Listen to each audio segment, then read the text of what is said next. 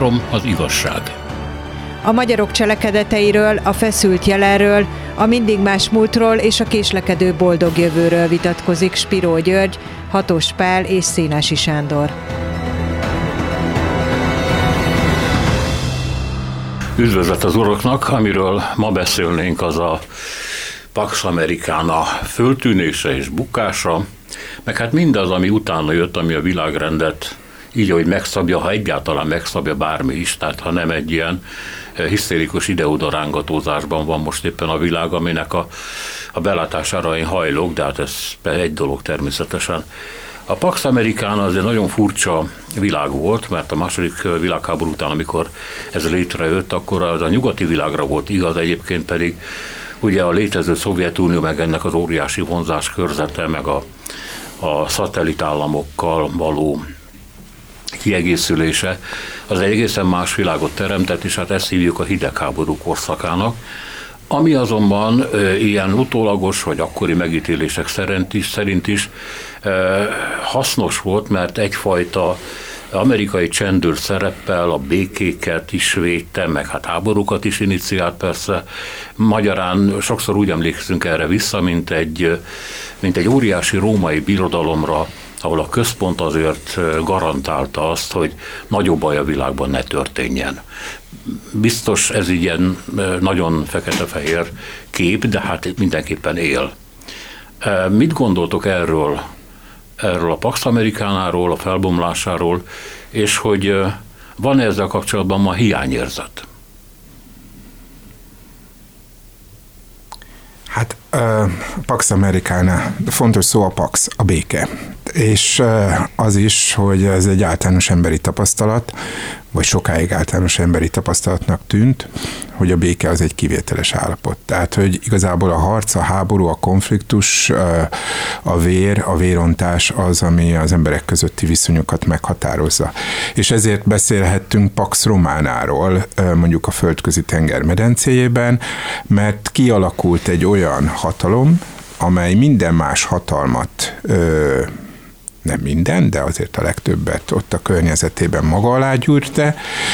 Nem volt ki, kihívja, és, és sokáig, amely megkérdőjelez ezt a hatalmat, és pontosan ez a fajta elrettentő ereje a római birodalomnak, a római köztársaságnak, és aztán a római császárságnak főként, amely lehetővé tette a békés fejlődést, ami persze mindig is egy viszonylagos béke volt, tehát ilyen értelemben legyenek illúzióink, tehát mégiscsak hát lépten látjuk a római emlékeket, ugye a Dunától egészen Hadrianus faláig Britániában, tehát láthatjuk, hogy valami született, amely tartós tudott maradni. No, ugyanilyen értelemben volt Pax, Pax Britannica, vagy akár Pax Gallica is, és a Pax Americana azt valóban 45-től származtatják, amikor ugye az Egyesült Államok, mint szuperhatalom felemelkedett, véglegesen bebizonyosodott az, hogy, hogy nélküle a második világháborút nem lehetett megnyerni, és bebizonyosodott az, hogy az európai hatalmak, az európai nagy hatalmak is, tehát különösen Franciaország és Nagy-Britannia rá van utalva Amerikára, és az Egyesült Államok ráadásul ö, valami kivételes gesztust tett. Nagyon-nagyon sok pénzt úgymond ingyen adott el, ez volt a Marshall ö, terv, ö, amelyben, amelyel, amely pénzzel egyébként megkínálta aztán a vasfüggöny, a később felemel, ö, felemelkedő vasfüggöny túloldalán országokat is, az, hogy Csehszlovákia olyan hirtelen ö, kommunizálódott, ö, lett kommunistává 1948 tavaszán, az részben azzal függött össze, hogy, hogy Stalinnak is, illetve a cseh kommunistáknak meg lett mondva, hogy, hogy Stalin megmondta, illetve a szovjetek, hogy nem szabad elfogadni a Marshall tervet, ami egy, egy teljesen irracionális dolog volt. Hát képzeljük el, hogyha valakit, akinek egy inge van, meg megajándékoznak azzal, hogy legyen ezután még három inged, legyen még egy pulóvered is, legyen cipőd, sőt, még igazából finanszírozzuk azt is, hogy beköltözz egy normális lakásba. Ilyen értelemben működött, évtizedekig működött, egy soha nem látott gazdasági fejlődéshez vezetett, egy olyan régióban, és ezt se felejtsük el, amely régióban két világháború tört ki.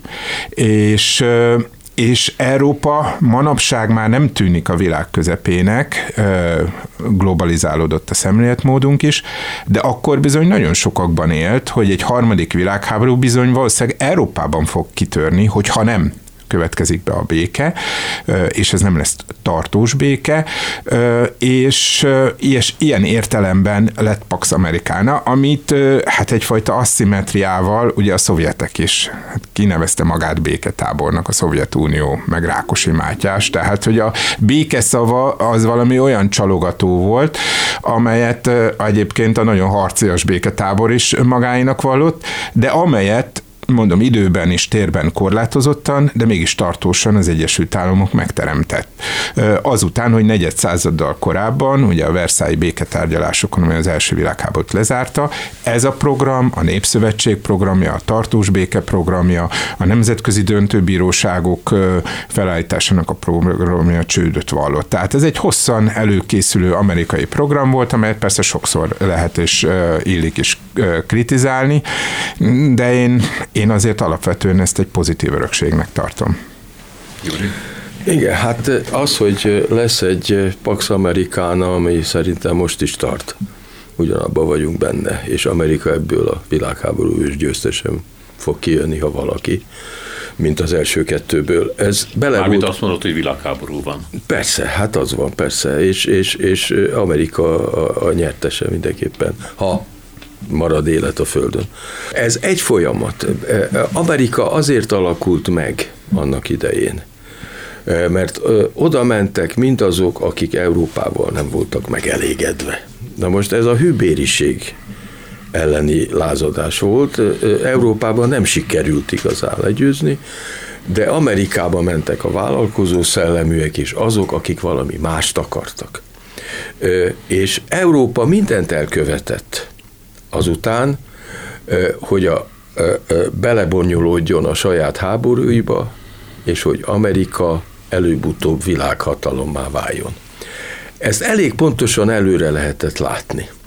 Ezt előre látta Tokvi, akinek a, az amerikai demokráciáról írt könyvét már 1843-ban lefordította Fábián Gábor magyarra, aki Vörös Marti és a többiek barátja volt, és egy kiváló elme, egy református lelkésznek a fia. Abszolút mindent tudtak itten az értelmiségiek Amerikáról Magyarországon, amikor 1848-ban forradalom lett. Tehát tudták, hogy az példa. És szinte jobb példa, mint, mint Franciaország. Hát Kossuth tudta, hogy el kell menni Amerikába. De nem csak azt tudta, hát azt is tudta, hogy mi az, hogy amerikai életform, mi az, hogy amerikai demokrácia. Max Weber, hát nem kell emlegetni, akit érdekel, olvassa újra, ugye a protestantizmus és a kapitalizmus összefüggéseiről írott könyvét, ez 1920, de ami még érdekesebb, és ami nincs meg magyarul, de azért muszáj említenem, volt egy óriási lengyel pasas, Julian Ursin Nyemcevicsnek hívták, szerepel az x című könyvemben, mint az egyik szereplő. Az első lengyel vígjátéknak a szerzője, aki 1900, 1840-ben nagyon magas életkorban megírta az emlékiratait. Ő részt vett a Kossuskó felkelésbe, raboskodott a Péter Pál erődbe Pétervárot, utána Amerikába emigrált, mert hát nem létezett Lengyelország, eh, ahol eh, elvette egy farmernőt feleségül, és véletlenül a szomszéd földnek a tulajdonosát úgy hívták, hogy Thomas Jefferson. És jóba lett vele. Hát aki alelnök, meg elnök lett. És utána visszament a napolani háborúk idején Lengyelországba, utána részt vett a bábkormányban, az oroszok működtette cári bábkormányban, annak volt a tagja, érdekes módon a kongresszusi királyságban, és utána, amikor kitört a felkelés 1830-ban, akkor megint emigráns lett, és Párizsban élt, óriási tiszteletnek örvendett, és 1840 megírta az emlékiratait. És fantasztikusan érdekes, hogy 40 éve próbálom rábeszélni a magyar kiadókat, hogy adják ki, mert hihetetlen nagy mű, nem adják ki, mindegy, általában ez így szokott lenni. De ő megmondta 1840-ben, hogy két világhatalom fog egymással szemben állni a 19. században. Amerika és Oroszország. Lehetett látni és pontosan leírta az oroszokat is egyébként, és Dostoyevsky előtt ő volt az egyetlen, aki igazán mélyen az orosz lelket leírta. Ezt az oroszok se nagyon tudják. Ugyanis ez az emlékirat 1960 valahányban jelent meg először és utoljára. Addig kéziratban lappangott. Na most e- ebből világos, hogy lehetett tudni, hogy Amerika mitől és hogyan fog felemelkedni, pedig meg előtte voltunk az amerikai polgárháborúnak, ugye, amiben 48-as magyar hősök is részt vettek, de elkövetkezett a rabszolgafelszabadítás, és Amerika úgy ment fölfelé, meredeken, hogy közben nem akart részt venni a világpolitikába. És hogyha Európa a maga hülyeségével és szemétségével nem rángatja bele kétszer is, akkor Amerika meg lett volna magának. Amerika attól lett nagy, hogy Európa leküzdötte magát. A háborúival és a tradíciókkal. Amerika attól lett nagy, hogy megszabadult azoktól a kötöttségektől, azoktól a tradícióktól, amelyek Európát a mai napig bénítják. Van itt egy nagyon szemléletes példa, a Legsötétebb óra című filmre gondolok, ahol Churchill ott ül a kormányzati bunkernek a telefonszobájában, és beszél az amerikai elnökkel, és mondja, hogy nem fogunk tudni kitartani, küldjetek fegyvert. Azt mondja, a kongresszus nem engedi. Nem szállunk be a háborúba. De el fog pusztulni az országom. Ezt, ezt őszinte sajnálattal hallom, mondja az amerikai elnök. Majd azt mondja, hogy de nézd, annyit meg tudunk csinálni, hogy pár repülőgépet odavontatunk a kanadai határra, ti átküldötök pár lovat. A lovat odafogjátok, igen, odafogjátok a repülőgéphez, és áthúzátok a határon, az nem mi vagyunk. És hát akkor elrepülhettek vele. Tehát, hogy Európa ide jutott el Amerikával kapcsolatban, hát ez az ember így nézte ezt a jelentést, sok mindent megértett.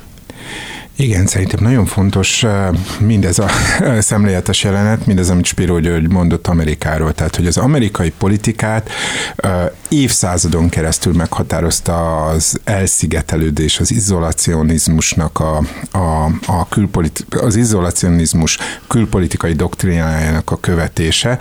Nem beleavatkozni pontosan azért, mert azért jöttünk el onnan, mert hogy ott mindenbe beleavatkoztak, amiben nem volt joguk beleavatkozni. Mi itt felé építjük a saját amerikai életünket. Ennek aztán lett egyfajta, hogy is mondjam, megfogalmazása, ez az, amit Monroe doktrínának eh, hívnak, hogy az Amerika. Az amerikai, aki, ugye egyébként Quincy Adams volt az, aki ezt megfogalmazta, és amely azt mondta, hogy ha az európai hatalmak be akarnának avatkozni az amerikai belügyekbe, és itt arra kellett gondolni, hogy Latin Amerikában ekkor zajlott az emancipáció, a spanyol uralom lerázása, akkor azt Amerika barátságtalan, sőt ellenséges lépésnek tekinti. De messze nem volt arról szó, hogy Amerika, mint ahogy azt sokszor halljuk, sőt a valóságban is, hogy a világ csendőre lesz. Ez bizonyos értelemben, vagy a világ rendőre lesz, a világ mintaadója lesz. Ez bizonyos értelemben tényleg a körülmények, a történelem és leginkább az európai hatalmak kényszerítették ki. Tehát ha az amerikai globális demokrácia exportot szeretnénk felfejteni, hát Woodrow Wilsonnak a neve, aki ugye az Egyesült Államok elnöke volt 1912 után,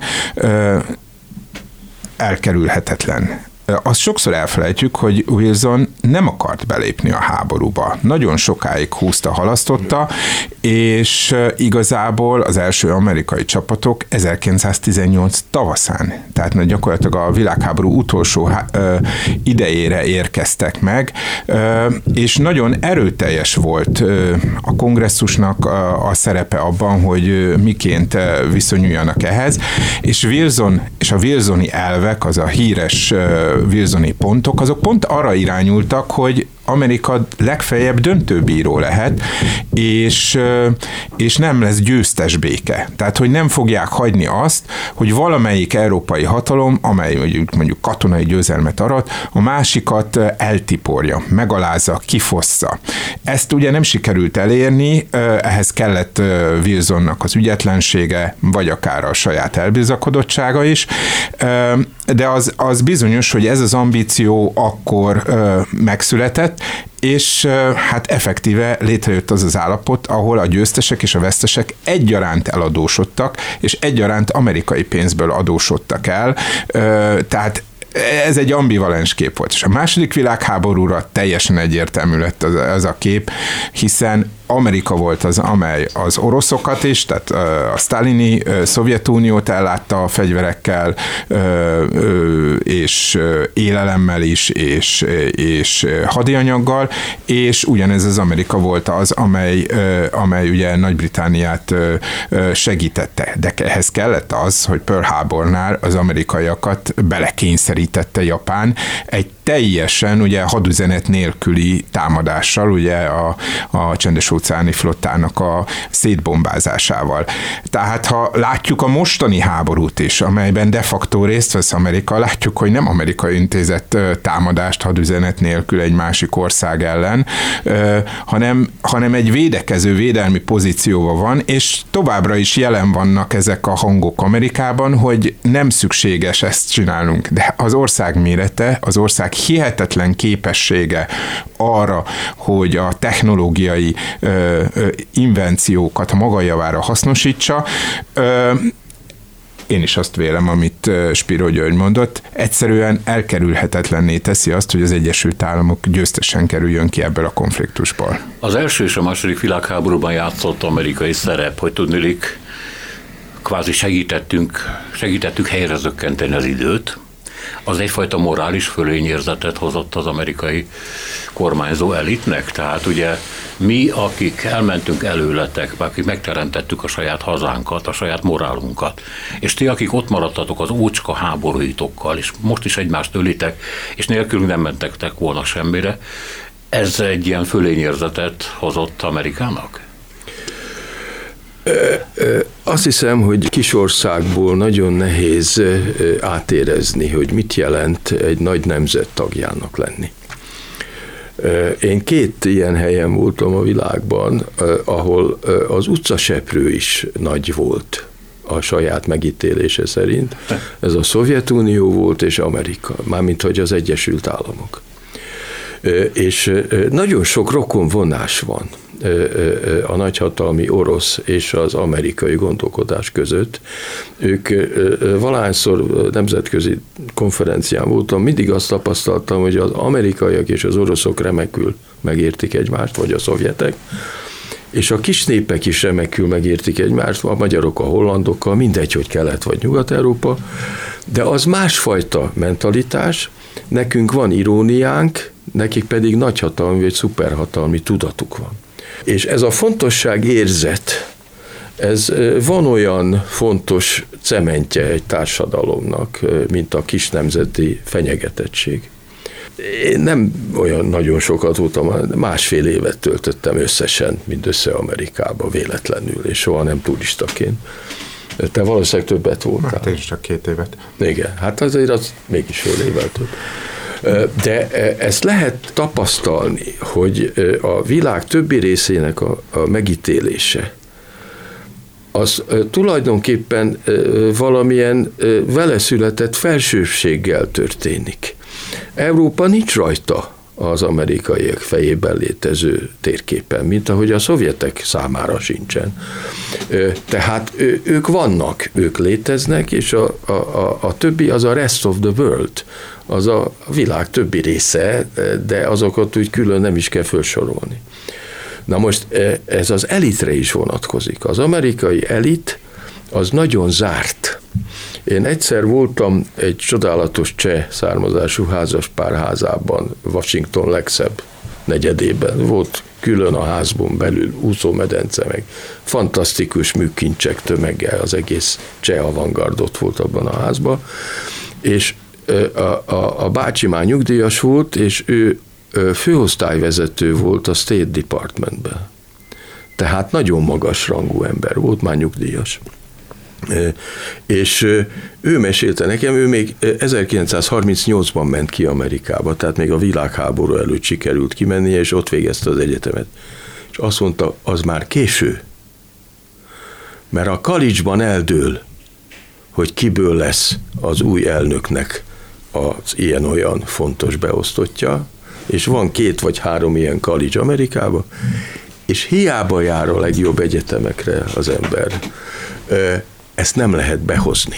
Tehát nem a Yale döntő magában, nem. hanem hogy az beszámítódik el az előmenetekben. Tehát, hogy van néhány hely, ahol képzik az amerikai elitet, lehet, hogy ez azóta egy kicsikét kiterjedt, de ez nagyon zárt közösség, és ennek az elitnek mindegy, hogy demokrata párti vagy republikánus, van egy örökölt Amerika elhivatottság képe, és ehhez tartják magukat, bármi lesz is a világpolitikában. Hát ezzel mélységesen egyetértek, ha megnézzük Barack Obama politikai identitását, ugye az afroamerikai gyökerek és identitás mellett azért ott van az anyai ág, ami ugye egy nagyon régi és a, a protestáns establishmenthez tartozó ö, ö, képet mutat, nem véletlenül jutott oda. És akkor nézzük meg a nemezisét, Donald Trumpot, aki ugye az elit ellenes, a, a washingtoni politikai huncutak ellen jött. Hát maga a leginkább, legbenfentesebb elitkörbe született, ott élt, és ott csinált karriert, gazdagságot, úgyhogy, úgyhogy igen, a demokratikus látszat alatt az amerikai álom, ami egy, ugye egy sofőrt vezethet oda, hogy milliárdos lesz, meg stb ez, ez valóban ennek, ennek ott van a pandantja, az, hogy, hogy van egy elit, amely, amely gondoskodik arról, hogy magát reprodukálja, és amely ugye családaiban, kapcsolatrendszerében továbbra is uralja a politikának a helyi állami szintű, illetve szövetségi szintű intézményeit.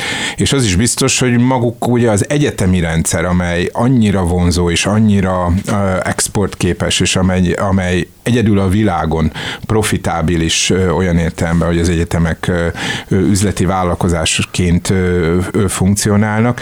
Nos, hát ezeken az egyetemeken is megvan a szigorú hierarchia, egyetemek között ott van az Ivy League, ott vannak azok az egyetemek, amelyeknek a pecsétje van, ahol szerzett degree, tehát diploma meghatározza azt, hogy valaki milyen állásba mehet, és, és mi lesz vele és, és valóban, és ott vannak a college ott vannak azok a kollégiumi, elit kollégiumi helyek, ahol tulajdonképpen 18-21 éves kor, tehát a, a, a bachelor degree megszerzése alatt megtörténik igazából az a fajta kiválasztódás, ami az elkövetkező 40-50 évet meghatározott. Tehát mindez benne van abban, hogy Amerika nem csak nagy demokrácia, de egyben egy nagyon elitista kultúra is. Három az igazság. A Pax Amerikánáról meg hát ennek az utóéltéről beszélünk, Hatos Pállal és Piro Györgyel. Bár Piro György azt mondta, hogy nem múlt ezzel, nem halt meg. Az elmúlt évek ezzel voltak tele egyébként, hogy vége annak a világnak, amikor Amerika, hát főleg a, a rendszerváltások, meg a Szovjetunió kimúlása következtében eh, egyedüliként uralhatta a világot, ez nem tudom, hogy ennyire volt igaz, de hát mondják egyébként most Amerika ellenfelei, itt szövetségbe tömörülő úgynevezett illiberális ellenfelei, itt egy sokpólusú világra kell fölkészülni, és hát ezt Amerika még mindig nem értette meg. Tehát az, hogy Amerika, a Pax Amerikána folytatódik, közben vannak jelentkezők, Kína, India, mások, Brazília, nem is önmagukban, hanem valamiféle új koalíció tagjaként, nem tudom, hogy ez mennyire áll majd össze, hát azért ez mégis egy nagy változás. Nek hát meg önmagában az, hogy ez a Pax Amerikána szinte mindenki megítélése szerint válságba jutott. Én ennek nem vagyok a szakértője, hát szegény Frank Tibort kéne ide hívni, de hát már nem él aki hát remekül, mi történész is remekül értette Amerikát, de, de meg mások, hát vannak szakemberek. De amit én látok az az, hogy Amerikában az égvilágon mindenről tudomásul tudomással bírnak, és néha kiszivárognak ilyen adatok, hogy az összes Amerika ellenes, vagy bármilyen ellenes összeesküvésről, forradalomról, mindenről, mindent pontosan valós időben tudtak, csak nem léptek közbe. Egy csomó téves döntése volt Amerikának természetesen külpolitikailag, és egy csomó olyan ö, ö, háborúba keveredtek Irakba, meg Afganisztánban, meg mindenféle helyekbe. Hát amelyeknek az ősképe mégiscsak a Vietnám, ugye, ami hát egy elmebeteg dolog volt természetesen. E, de közben ez nem rendítette meg Amerikát sem gazdaságilag, sem igazán politikailag. Egy ilyen őrült nagy országban nagyon nehéz élni. Tehát nem arról van szó, hogy egy szuperhatalom polgárának olyan nagyon jó lenne. Borzasztó kemény hely és az európaiak általában nem szokták kibírni. Most nem a kelet-európaiakról beszélek, nyugat-európai. Hogyha felnőtt korba kerülnek oda, akkor mindenféle lelki zavaruk lesz nekik, mert nagyon nem lehet beilleszkedni, mert nincs mibe. Mert oly mértékben individualista társadalom, amit egy európai, aki mégis valamilyen közösségekhez szokott, nem bír elviselni tartósan. De hát tele vannak az amerikai filmek azzal, hogy a utcabálokat rendeznek, a család meghívja a, a vendégeket, Igen. a gyerek iskolába Igen, mennek. de ott Tehát a baráti, baráti kapcsolatok azok sokkal felszínesebbek, és sokkal ink- és mobilabbak. Ugyanis, hogyha 7-8-szal költözöl az életedben nagyot, a munkahely miatt, akkor ugyan nagyon hasonló házba költözöl, szinte a WC meg a fürdőszob is ugyanott van, ahol volt ezer kilométerrel arrébb, de ennek ellenére az emberi kapcsolatok felszínesebbek. Az emberi kapcsolatokat az egyházhoz való tartozás, a templomhoz való tartozás szervezi, és nem csak a, a baráti társaságot is, meg, meg sok mindent, meg a gyerekeknek a, az ellátását, egészségügy, sok mindent szervez szervez ilyen szempontból ez a vallásos társadalom, de az egyén amellett nagyon magára van hagyva. Hogyha nem lenne, akkor nem lenne olyan nagy szükség ugye a pszichológusokra, meg a lelkészekre. Hát az egyházot ezt a szerepet is betölti. Ez egy arhaikus szerep. Na most ott, ha elesel az utcán, akkor nem fog, valóban nem fognak fölsegíteni. Hát segíts föl magad, hát rád van bízva az életed és ezt az európaiak nehezen bírják. Kemény hely, és Amerikában szegény emberek laknak, akik el vannak adósodva egész életükre, és ez az, ami gazdaságilag Amerikát mozgatja, mert, meg, mert rettenetesen sokat kell dolgozni, hogy ki, kijöjjél az adósság csapdából, és emiatt az amerikaiak többet dolgoznak, mint az európaiak. Ez bizonyos, hogy sokkal többet dolgoznak. Tehát én ugye két évig tanítottam uh, Amerikában, az Indiana University in Bloomingtonba, és meglepődtem, hogy milyen kevés fizetett szabadsága van például a nem oktató státuszúaknak, alig több mint két hét. Alig több mint két hét, és ezt elfogadják. Tehát ezt természetesnek tekintik. A job a munka az olyan fontos, hogy, hogy annál nincs fontosabb. És hogyha például nyugatra megyünk a nagy nyugati, északnyugati államokba, ott fontosabb az, hogy az embernek meglegyen az autója, a saját autója, mint a, mint a lakása, hiszen az autója az a munkaeszköze, amivel a munkahelyére el tud menni, vagy amivel a munkáját végzi. Tehát teljesen egyetértek azzal, ez egy szélsőségesen individuális társadalom, ahol a self-reliance, az önmagadra való támaszkodás érvényesül, ezt mindenki elvárja a másiktól, és természetesen magán is kezdi. Amikor én például megérkeztem, és beszereztem magamnak mindenféle dolgot, meg is lepődtek, hogy hát más kelet-európaiak azok, azok állandóan segítséget kérnek, és olyan furcsa, tehát hogy én ilyen értelemben Önjáró Még dicséretet is kaptam, hogy önjáró voltam, ott egy kis külvárosi helyen voltam, ahol mosómedve mászkált a, a lakás felfe, lépcsőjén, de nem is ez a lényeg. A lényeg az, hogy ez viszont, ez az individualizmus, ez az önmagadra való támaszkodás párosul azzal, hogy szabad társulás van. Felszínesebbek a viszonyok, viszont tisztábbak a viszonyok. A templomba azért jár az ember, mert szeretne oda járni. A pap azt prédikál, amit a közösség elvár tőle, mert nem az államtól kapja, meg a pénzt, meg nem valami egyházi szervezettől, hanem a hívek tartják el. Ennek szintén, tehát az éremnek két oldala van ebben az esetben is. Egyrészt, egyrészt nem jön számításban egy ilyen ideológiai mosdatás, amit az állam vagy bárki más ilyen nagyobb aktor tudna végrehajtani, viszont a papnak igyekeznie kell, hogy a hívek nyelvén és a hívek igényeinek megfelelően beszéljen, mert különben nem fogják tovább finanszírozni.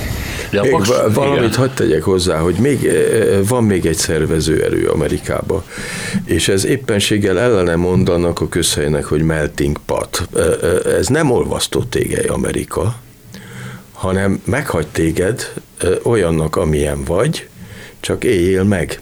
És az egyetlen a nemzetiség, ahonnan jöttél, amelyik Amerikába tud segíteni. Én tanulja voltam, hogy az indiaiak hogy segítik egymást a zsidókkal szemben. Mert azok is külön vannak Amerikában. Nem nagyon könnyű beolvadni. Tehát a vegyes házasság igen ritka Amerikában, mert vannak ezek a kulturális megtartó közegek. A magyaroknak nincs ilyen. A magyarok azok mindig egyénileg egy megpróbálnak, megpróbálnak beolvadni. Már a csehek egy picit jobbak ebből a szemben. A lengyelek pedig, akik hát Kelet-Európából elég sokan mentek ki, azoknak van valami sajátosságuk, és segítik egymást.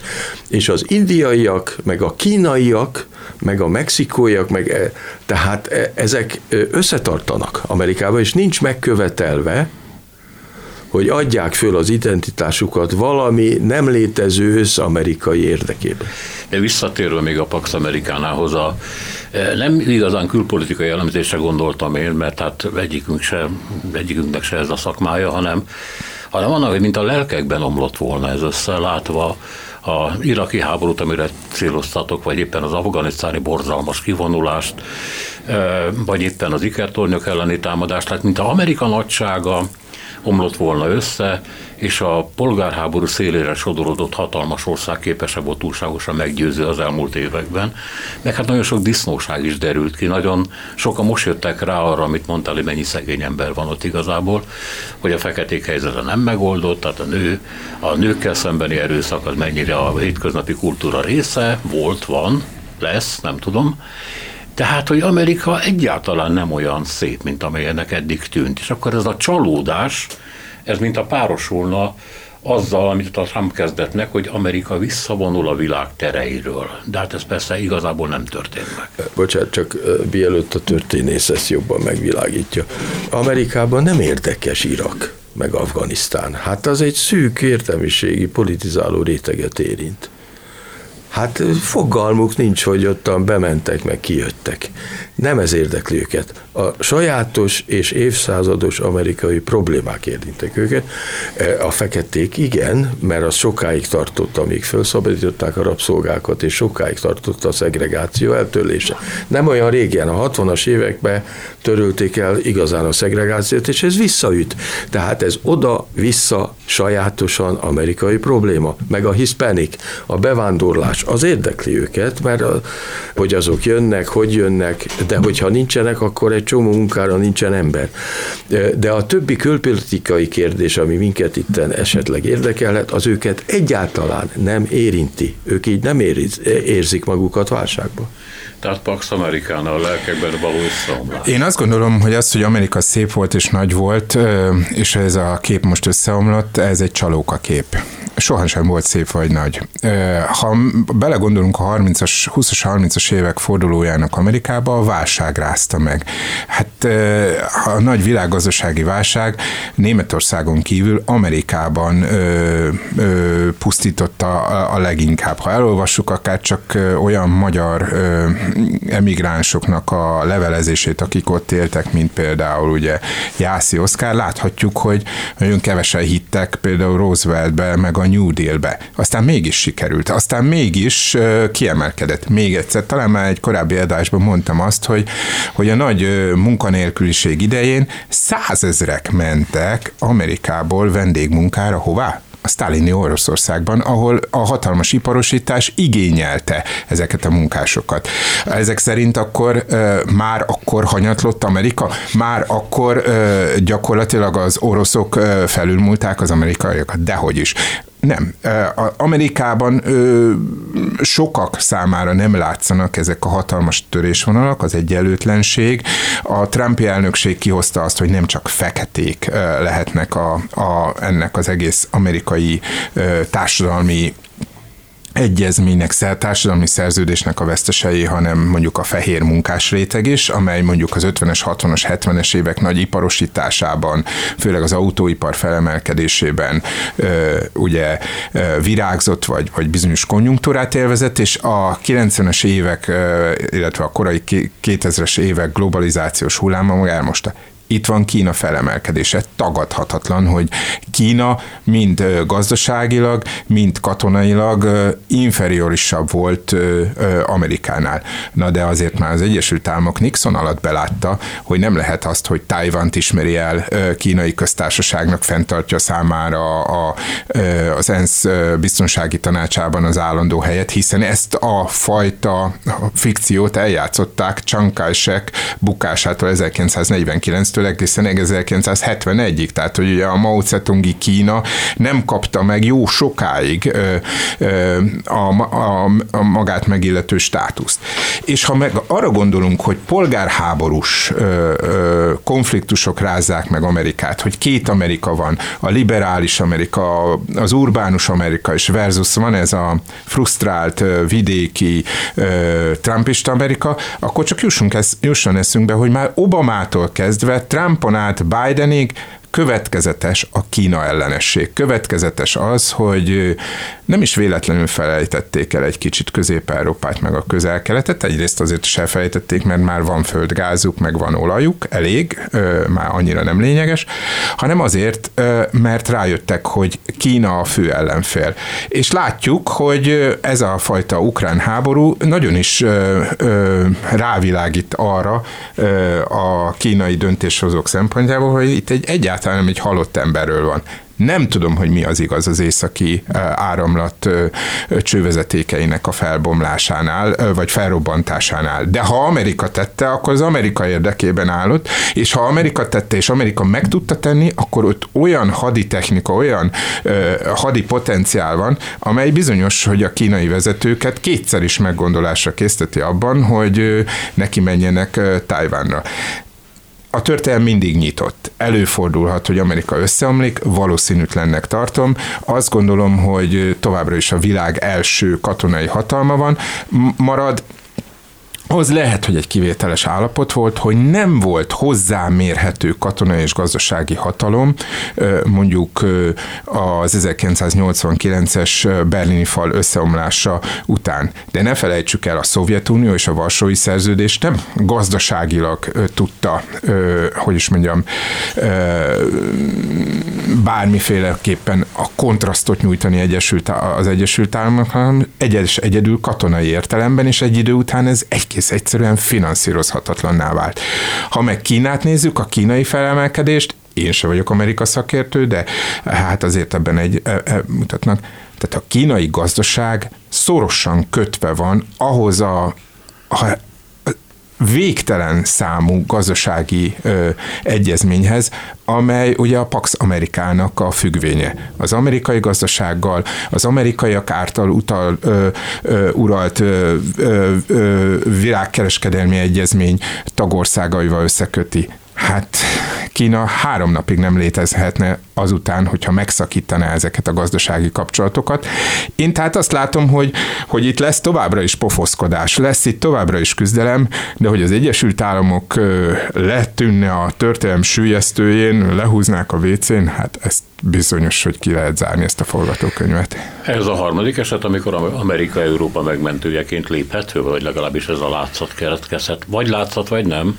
Ugye nem tudjuk, hogyha nincsenek az amerikai fegyverek, és Ukrajna megdől, mert megdőlt volna nyugati támogatás nélkül, akkor mi lett volna Európával? Egy eh, orosz, orosz, oroszok által megszállt Ukrajna, egy nagyon-nagyon súlyosan veszélyeztetett Baltikum, és a többit akkor nem is mondom. Tehát ez a harmadik? Hát igen, hát végül is a NATO az Amerika, és Amerika mostan nagy támaszpontokat épített, meg épít föl Romániában, meg Lengyelországban. Ez nem arra val, hogy Amerika ne terjeszkedne. Hát dehogy nem. Hát azért az, hogy a Szovjetunió átadta egész Kelet-Európát, végül is Amerikának adta át, hát azért fogalmazzunk világosan. Annak ideig, óráig Németország tudott a gazdasági nyertese lenni, de hát aztán úgy látszik, hogy meg van kötve. Hát Németország nem mérhető Amerikához. Pontosan. És Németországból is a legjobb tudományos munkatársak azok Amerikába mennek, ahogy tőlünk Ausztriába, meg Németországba, meg Amerikába. Tehát Amerika vonzása nem szűnt meg, nem Kínába mennek a legjobb tudósok, hanem Amerikába mennek, és ez, ennek már 100-150 éves hagyománya van. Igen, én is meglepődtem, amikor ezt tapasztaltam, amikor Amerikába tanítottam, hogy nyugatnémetek, franciák, vagy akár svájciak is tanítanak amerikai egyetemeken, mert sokkal gazdagabb, nem feltétlenül fizetésbe, de abban is, hanem kutatási lehetőségben, infrastruktúrában, a természettudományok, a műszaki tudományok területén sokkal többet tudsz elérni egy amerikai egyetemen, mint egy európai egyetemen. Hiába vannak nagy egyetemi infrastruktúra fejlesztések, akár most Nürnbergben, vagy máshol, nyomába sem ér annak a potenciálnak, amelyet az Egyesült Államok tud nyújtani. Hát meg az egész modern számítógépes ipar. Hát ez Amerika. És mi van, a, mi van az értékekkel? Mert ugye most olyan viták folynak, hogy a realisták, ezek általában jobboldali gondolkodók, meg a értékelvűek, ezek valamilyen liberális, baloldali zagyvalék lennének, de nem pontos persze így a fölosztás, de mégis, hogy tehát a realistáknak áll most az ászló, és azok, akik a nyugati értékek terjesztését, az amerikai értékek terjesztését tartják fontosnak, azok hát ilyen ködevők igazából, mert a világ állapota nem ezt mutatja. Tehát ha Pax Americana ma is van, akkor ez jelente egy olyan értékelvűséget Amerika értékeiből, a nyugat értékeiből kiindulva, aminek van még hatása. Vagy az amerikai fegyvereknek van hatása, vagy az amerikai LNG gázszállításnak van hatása, vagy az Amerika óriási súlyának van hatása a világban. Mi van az értékekkel? Hát Amerikát értékelvűen alapították meg. És azóta ehhez nem nagyon lehetett hozzányúlni. Tehát az amerikai alkotmány azt 20-valahányszor tudták csak módosítani mindössze, mert meg van kötve. Na most az egy más kérdés, hogy az amerikai alkotmányban vannak európai szemmel nézve furcsaságok, és ezek az őrült gyilkosságok, amelyek ottan, ez, ez a fegyverviselésnek a, a, az engedélyezéséből származik. Hát annak idején az volt a lényeg, hogy a központi hatalom ne tudjon túlságosan megerősödni, és ezzel szemben az egyéni szabadságot védték. És az egyéni szabadságot Amerikában egy csomó minden korlátozza, de gazdaságilag. Ezért dolgoznak annyit. Látástól vakulásig. Isten ilyen lehet Amerikában dolgozni, én is tapasztaltam. A többi az nehezebb, nehéz kibírni azt, a, azt az életformát. De ez nem az értékek, tehát voltak bizonyos alap tapasztalatok Európából, amelyektől szabadulni akartak, és sajnos ezek a tapasztalatok Európában továbbra is negatívak. Noha volt egy csodálatos 70-valahány éves békekorszak, amikor Nyugat-Európa föllélegezhetett átmenetileg. De hát e, e, ennek úgy néz ki, hogy vége van. Amerikának meg nincs vége. Én is azt gondolom, hogy ez egy nagyon fontos megállapítás. Amerika értékvezérelt választásra kényszeríti azt, aki szembesül ezzel, és, és az amerikaiak ezt teljes nyíltsággal hirdetik. Tehát éppen ez a zavarba ejtő, hogy nem rejtegetnek, nincs kettős beszéd, hanem elvárják azt, hogy azokat az értékeket elfogadják, természetesnek tekintsék a partnereik is. De ha belegondolunk, ami Kínában van, vagy ami a távol-keleten van, hogy ott nincsen érték. Inkább arról van szó, hogy azokat a társadalmakat és az azokat vezető ideológiai elvárásokat sokkal ö, kisebb mértékben ismerjük, és sokkal kisebb mértékben tudunk vele azonosulni. Továbbra is egy magyar, egy cseh, egy lengyel, vagy egy német, vagy egy angol számára egyszerű tájékozódási szempontból is Amerika lesz az orientációs pont, attól függetlenül, és elsek térdre Ameriká előtt, hogy mindezen társadalmokban nem csak most, hanem korábban is volt éles Amerika ellenesség. A vietnámi háború ellen való tiltakozás, a, a polgárjogi küzdelmek támogatása, vagy akár a, ne felejtsük el Franciaország, vagy éppen De Gaulle tábornok húzódozását a NATO-ba való belépéstől, a francia különutasság, vagy éppen a kulturális örökség megvédése, a mozinak, a mezőgazdaságnak, a kézműves termékeknek. Tehát, hogy Amerika ellenesség az nem tegnap született meg, nem az ukrajnai konfliktusba való belépéssel, vagy akár az iraki háborúnak a, a, az iraki háború tövező hazugságuk, mondjuk nevezzük így, hogy Saddamnak ugye atomfegyvere van, hanem az korábban is létezett. Az Amerika ellenességnek, mint az Amerika pártiságnak mély hagyománya van, de egész egyszerűen Amerika megkerülhetetlen, ahogy a Coca-Colát nem lehet kidobni egyetlen ö, európai közösség egyetlen boltjából sem, illetve ki lehet, de az az alternatíva, az a kisebbség, az a különbség. Ugyanúgy Amerikától nem fog tudni megszabadulni Európa. Illene az, a magáról tényleg a kultúráról is beszélni, mert van egy olyan, hát rettenetes, ahogy elborította ez az úgynevezett amerikai kultúra egész Európát. De erre nem az volt a helyes válasz, ahol volt erre válasz, hogy betiltjuk, meg nem engedjük be az amerikai tévéket, filmeket, meg egyebeket, meg a hírforrásokat, hanem az a válasz, hogy csináljuk meg a magunkét. És hát azért ezek az európai, meg kelet-európai államok, ezek kulturálisan nagyon erősek voltak, noha politikailag és gazdaságilag csúfos kudarcot vallottak a, a 19. és 20. században. Tehát ami itt kultúrában van és lehetséges, az tőlünk függ, és az, hogyha vannak nemzetállamok, mint ahogy vannak nemzetállamok, akkor nem Amerika ellenesnek kéne lenni, és nem az amerikai harmadvonalbeli kulturális termékeknek a struktúrát kéne rosszul másolni, és magyarul létrehozni, hanem a saját magyar és lengyel és egyéb kultúrát kéne segíteni, megszületni. Itt nem tehetségtelenebbek az emberek, Pontosan. sehol a világon, Afrikában se tehetségtelenebbek, meg Kelet-Európában se tehetségtelenebbek, csak éppen lehetővé kéne nekik tenni, hogy létrehozzák azt az alternatív kultúrát, amelyik esetleg még Amerikában is lehet érdekes, hogyha elég jól csinálják. Volt ilyen már a magyar művészetben, meg a magyar filmekben is, és ezt újra meg kéne tudni csinálni, csak nem az amerikai vacak másolásával. Csak egy záró mondat. A legutóbb a, a Broadway-n szándékoztak színpadra állítani a padlást, ugye a Presser Luxán darabot. Nem sikerült, bejött a járvány, meg hát nagyon nehéz megérteni a magyar észjárást ebben az amerikaiaknak, de vannak kísérletek, és az aláhúzza az, azt, amit Turi mondta, hogy egyszer a padlás lehet, hogy tényleg New Yorkban színpadra kerül, és még sikere is lesz, és akkor igaz lesz az az oda-vissza játék. Köszönöm szépen, hogy itt voltatok Hatos Pálnak, Spiró Györgynek. A műsorvezető Szénás Sándor volt a műsort, Selmeci János szerkesztette. Köszönjük a figyelmüket, minden jót!